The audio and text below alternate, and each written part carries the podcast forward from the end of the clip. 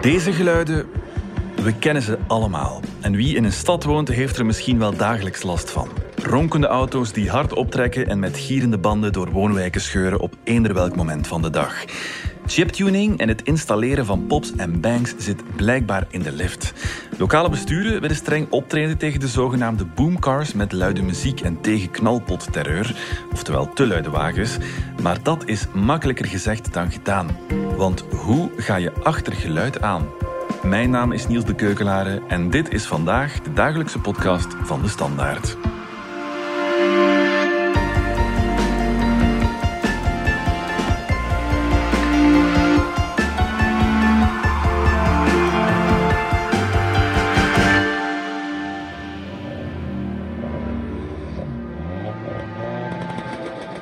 Extra luide auto's die de nachtrust van omwonenden verstoren. In verschillende buurten was het de plaag van de zomer.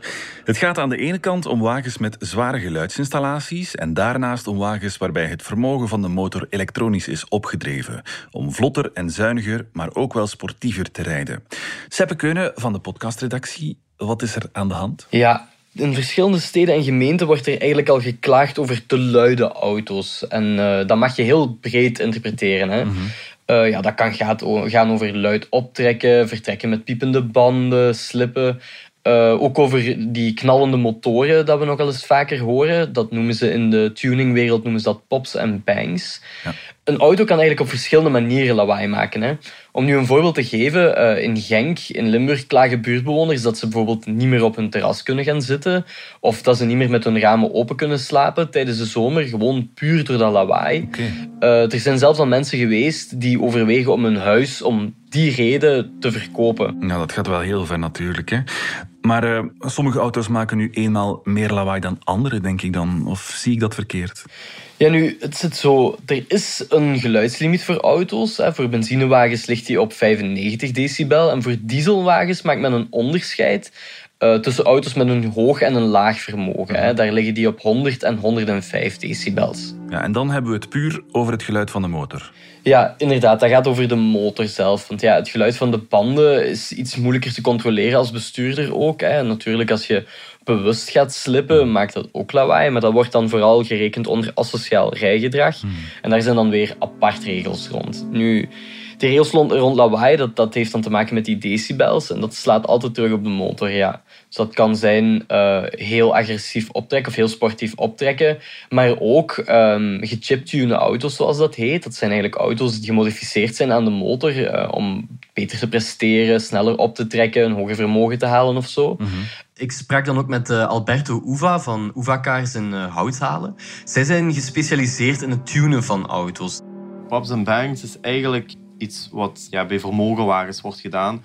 Dan gaan we de brandstoftoevoer uh, kort afsluiten op een bepaalde toerental. Uh, waardoor dat eigenlijk na de turbo uh, die brandstof gaat ontsteken en dat de turbo op druk blijft. Dus als je gaat schakelen, gaat de turbo niet meer te hoeven spoelen en zit hij eigenlijk sneller op zijn druk.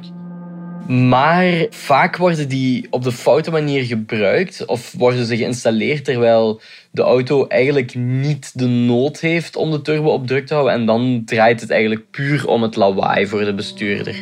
Ja, dan zou ik denken verbieden en bekeuren als je zo'n wagen op de weg opmerkt. Ja, ah, wel, daar zit nu dus de moeilijkheid. Iemand die te snel rijdt, dat is makkelijk meetbaar. Hè? Dat is een tijd die je doet over een bepaalde afstand tussen punt A en punt B. Hè? We hebben trekcontroles, we hebben gewone flitscamera's. Um, maar ja, geluid is iets heel anders. Hè? Dat, is, dat is eh, veel vluchtiger en daar moet je ook altijd rekening houden met bepaalde factoren. Hè? Mhm. In een bebouwde kom, in een stad bijvoorbeeld, tussen gebouwen, hè, daar gedraagt geluid zich al helemaal anders dan bijvoorbeeld tussen de velden of uh, tussen een woonwijk met allemaal alleenstaande huizen met een grote voortuin. Hè. Die mensen gaan evenzeer last hebben van geluid van auto's. Maar dat geluid gaat minder blijven hangen, gaat minder galmen tussen die gebouwen, uh, zoals je bijvoorbeeld in een stad wel hebt. Of als de wind bijvoorbeeld fout staat, hè, dan wordt het geluid ook een bepaalde richting uitgedragen, zoals ze zeggen. En ja, één keer dat zo'n knal gepasseerd is, ja, dan is hij ook weg natuurlijk. Hè. Dus tenzij dat de politieagent naast de auto stond die het geluid maakte, of mhm. ja, dat dat echt de enige auto is daar in de buurt en moest hij dan net een politiecontrole tegenkomen, ja, ja. ja laten we gewoon zeggen, dat is enorm moeilijk te detecteren. Oké, ja.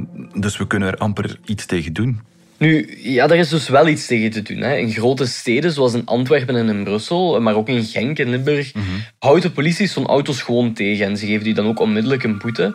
En dat wordt eigenlijk gedaan op dezelfde manier dat ze mensen proberen betrappen met bijvoorbeeld gsm achter het stuur, uh, asociaal rijgedrag. En dat is gewoon door te patrouilleren. Hè. Dat kan anoniem zijn, niet anoniem. Uh, en zo proberen ze die dus op heterdaad te betrappen. Ook Gent wordt geplaagd door het fenomeen. Burgemeester Matthias de Klerk besloot deze zomer dat het zo niet langer kon. Ik ben Matthias de Klerk en ik ben burgemeester van Gent. De jongste maanden liep het fenomeen immers de spuigaten uit. het fenomeen is niet nieuw, maar het voorbije jaar nam het aantal klachten toch wel sterk toe. Mogelijk heeft corona daar ook iets mee te maken. Er waren minder mogelijkheden om, om uit te gaan, alles was toe. Er viel ook niet veel te beleven. En met de auto rondrijden, dat mocht wel nog. Aan de andere kant waren de mensen ook veel meer thuis, hè, waardoor dat de overlast ook sterker uh, opviel. En de morfologie van onze stad is zo. Ja, we zijn geen stad met brede boulevards. Eerder smalle straten, ook dense bewoonde wijken. En ik krijg dan ook echt veel klachten van burgers over een dergelijke asociaal rijgedrag. Voor mij mag iedereen met de wagen rijden. Hè. Of dan nu een Porsche is, een Subaru of een Maserati, dat maakt niet uit. Maar wel op een normale manier mee rijden, zodat er niemand last van heeft. Ik heb ook niets tegen tuning, ik wil dat ook even zeggen. Iedereen doet met zijn wagen wat hij wil, uiteraard binnen de wettelijke normen. En tuners zitten daar ook mee verveeld, met die knalpotterreur. Want dat zijn meestal ook echte liefhebbers die niets te maken willen hebben met dat soort van knalpotterreur. Um, en wat ik wel echt een probleem heb, dat is dat asociaal rijgedrag. Want voor mij de verkeersveiligheid, de openbare rust, de nachtrust, als dat in gevaar komt, ja, dan wordt er echt wel een grens overschreden. Ja, en daar wil ik tegen kunnen optreden. Tot voor kort had de politie weinig of geen tools om het probleem aan te pakken, want met flitsboetes kom je er niet en om de wagen uit het verkeer te halen moest het gerecht eraan te pas komen. Dat kon pas vanaf de zogenaamde overtreding van de tweede graad, zoals rijden zonder verzekering of met een niet ingeschreven voertuig. De klerk voerde een nieuwe regel in die de politie in staat stelt om een te luide wagen of een wagen met te luide muziek onmiddellijk in beslag te nemen voor minstens 72 uur.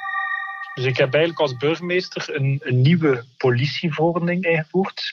En hiermee kan onze politie voertuigen die geluidsoverlast veroorzaken bestuurlijk in beslag nemen. En dat is een preventieve maatregel. Want op die manier kan de openbare rust onmiddellijk gevrijwaard en hersteld worden. Hè, omdat je ja, de wagen verwijdert. Hè, en dus ook de overlast op dat moment. De inbeslagname, dat houdt eigenlijk in dat het voertuig onmiddellijk getakeld wordt, onmiddellijk in bewaring wordt genomen, bij voorziene termijn van minimum 72 uur. En de overtreder, dus niet per definitie de eigenaar van het voertuig, het is de overtreder, dient in te staan voor de takel en de bewaarkosten. En ja, dat kan toch al snel oplopen tot een, een 350 uur. Uit een eerste tussentijdse evaluatie blijkt dat sinds de aankondiging van de maatregel het aantal klachten is afgenomen. Dus een eerste evaluatie, we gaan een uitgebreide evaluatie van de maatregel eind dit jaar doen. Ik kan wel ook verwijzen, we hebben een gelijkaardige aanpak ingevoerd voor draagbare luidsprekers. Van die geluidsboxen, versterkte geluidsboxen in de stad, met muziek en zo. En die in de coronaperiode voor aanzienlijke overlast zorgden. En ook daar hebben we gemerkt dat de, de onmiddellijke inbeslagname van de bron van overlast niet alleen een direct effect heeft, maar ook een preventief zorgt voor een afname van de overlast. Uh, je moet wel weten, de politie moet de daders op heterdaad kunnen betrappen. Dat is ook niet altijd evident, maar op een georganiseerde manier gaan we ook acties doen. En, en ik hoop dat we dan ook echt een aantal bestuurlijke inbeslagnames kunnen hebben. En dan zal het niet alleen rondgaan dat het bestaat, maar zal het ook rondgaan ja, dat effectief ja, de wagen verwijderd wordt. En ik denk dat dat belangrijk is, dat op dat moment het speelgoed wordt verwijderd.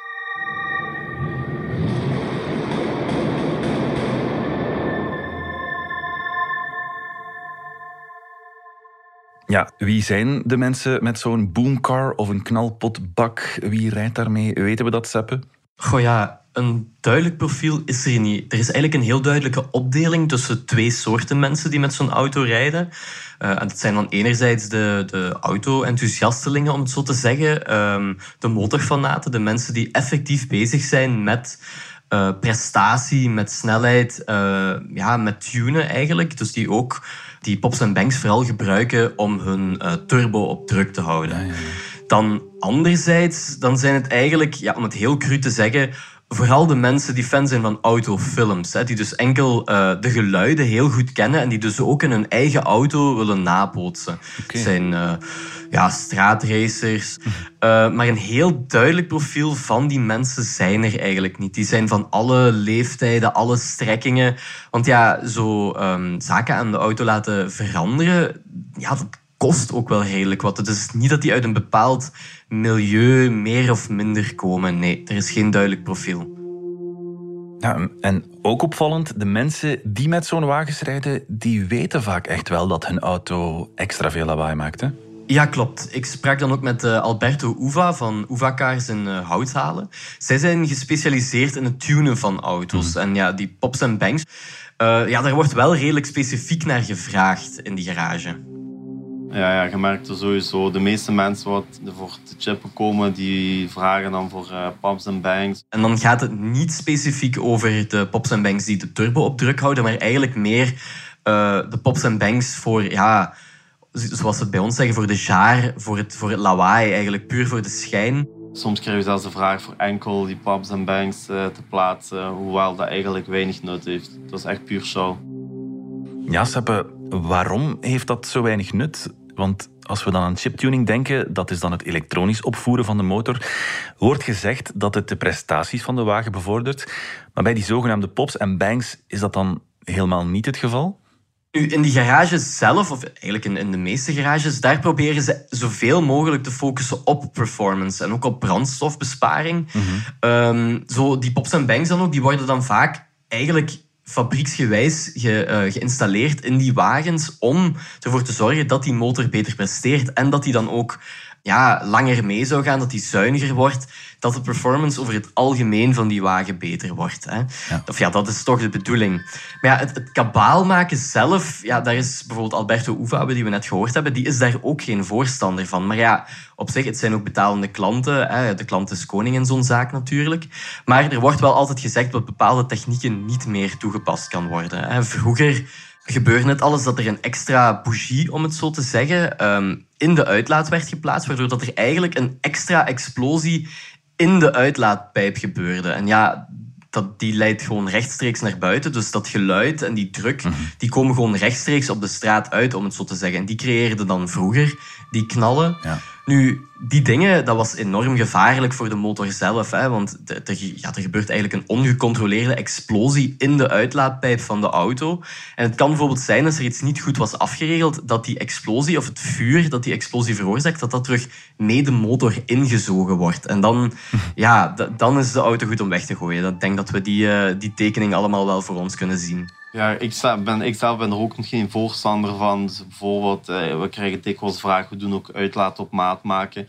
Bijvoorbeeld, die zeggen gewoon rechtstreeks, ik gewoon open uitlaat van voor tot achter en liefst in 3 inch. En dan weten we, dat is puur voor, uh, ja, voor kabaal te maken. En wij zelf, ik weet dat is heel vervelend. Ik vind dat zelf vervelend, hoewel ik zelf met een auto van 500 pk rijd. Dus ik weet dat andere mensen dat ook gaan vervelend vinden. En dat, is eigenlijk, dat maakt mijn werk kapot. Omdat mensen die gaan dat eigenlijk misbruiken voor iets wat, uh, waar dat niet voor is. Maar ik weet als ik dat niet doe, gaan die gewoon bij de volgende, die gaat dat wel doen. Garagist Alberto Uva verstaat wel dat de overheid maatregelen wil treffen, zegt hij, maar dan mag er niet met twee maten en twee gewichten gewerkt worden. Want dat gevoel heeft hij vandaag wel een beetje. Ik versta zeker dat de stad er iets wil aan gaan doen. Maar ik sta zelf heel dikwijls aan de kant met mijn wagen. Nochtans, mijn is niet super luid. Zeker niet als ik er gewoon mee rijd. Ik heb al gezegd, eh, Pops en Banks, die, heb ik allee, die zijn niet echt geïnstalleerd op de mijne, behalve in launch control. Die ploft wel af en toe, maar dat is dan um, gewoon een gevolg van de vermogen. En ja, waar definitief de grens gaat worden getrokken over dit geluidsoverlast, ja, dat is nog maar de vraag, hè? Ik vind wel dat die, ja, dat die redelingen moeten zijn. Ik bedoel, je kunt toegevingen doen, maar die moeten ook redelijk zijn.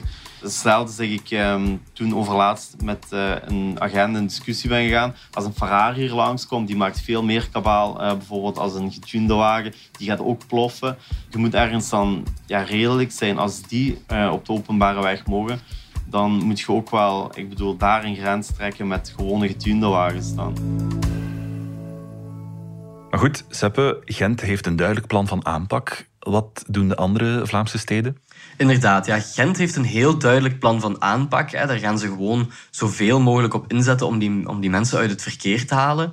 Nu, in andere steden wordt eigenlijk een beetje afwachtend gekeken naar het plan van Gent. Hè, want het valt nog een beetje af te wachten in hoeverre dat, dat haalbaar is voor de lokale politie van die stad. En ik denk, als dat project in Gent succesvol uitgerold wordt, dat het bijvoorbeeld in, in, in steden zoals Antwerpen, uh, Mechelen, Brussel, dat dat daar ook wel verder uitgerold gaat worden. Mhm. Nu, in, in Genk, in Limburg, daar hadden ze eerder een project lopen dat um, moest voorkomen dat agenten eigenlijk al het werk moesten doen. Daar hadden ze een camera gekoppeld aan een geluidssensor, een soort microfoon, die eigenlijk registreerde wanneer een auto te veel lawaai maakte. Dus wanneer de geluiden van de auto eigenlijk boven de norm gingen. Um, en die die dan ook eigenlijk flitste, om het zo te zeggen. En dan kregen die mensen een, een, een, boete in de bus. Nu, dat is eigenlijk nog altijd in de probeerfase. En ook daar is het een beetje afwachten is dit project haalbaar? Werkt dat project? In hoeverre is, is het haalbaar om dat nationaal uit te rollen? Dus er zijn redelijk veel projecten in de maak, omdat het ook wel een problematiek is die de laatste jaren veel meer aandacht krijgt. Maar het valt nog af te wachten welke aanpak nu uiteindelijk de beste gaat blijken en welke dat ook nationaal gaat worden uitgerold. Oké. Okay. Seppe Keunen, dankjewel. Graag gedaan. Dit was vandaag de dagelijkse podcast van de Standaard. Bedankt voor het luisteren. Reageren kan via podcast.standaard.be. Alle credits vind je op standaard.be-podcast.